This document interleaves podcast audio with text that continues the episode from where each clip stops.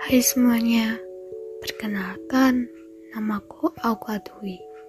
Di sini aku akan menceritakan hikayat tentang Lutung Kasarung.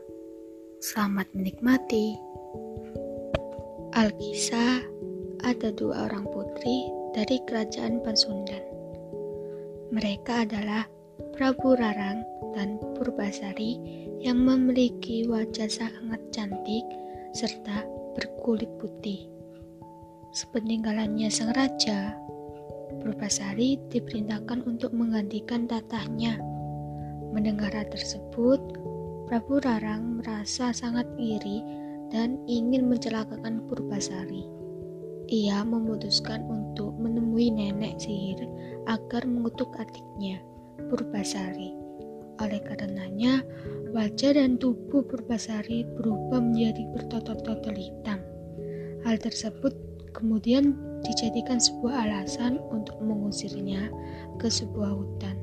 Sehingga Tatat pun berhasil pindah ke tangan Prabu Rarang. Selama tinggal di hutan, Prabu Rarang berteman dengan seekor kera berbulu hitam. Kera tersebut bernama Lutung Kasarung. Ia sangat perhatian dan menyayangi Purbasari. Untuk membantu Purbasari, Lutung bersemedi di tempat yang sepi pada saat bulan purnama. Tidak lama kemudian, terciptalah sebuah telaga kecil yang berair sangat jernih. Lutung pun meminta Purbasari mandi di telaga tersebut. Hebatnya, air dari telaga tersebut mampu mengembalikan kecantikannya. Purbasari pun bisa kembali ke wajah yang semula, yaitu putih dan cantik. Mendengar hal tersebut, Prabu Rarang merasa cemas. Ia khawatir jika adiknya merebut kembali tatahnya. Kemudian, ia pun menghampiri adiknya dan mengajak Pratu untuk merebut kursi raja. Prabu Rarang mengajak adiknya adu ketampanan dari tunangan masing-masing. Purbasari menunjukkan Lutung Kasarung sebagai tunangannya.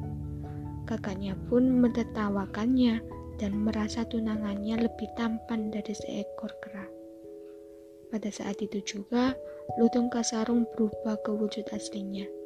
Ternyata, ia adalah seorang pangeran dengan wajah yang tampan.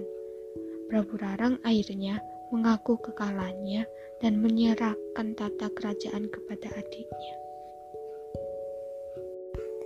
Sekian cerita hikayat tentang Lutung Kasarung dariku. Terima kasih dan sampai jumpa. Dah.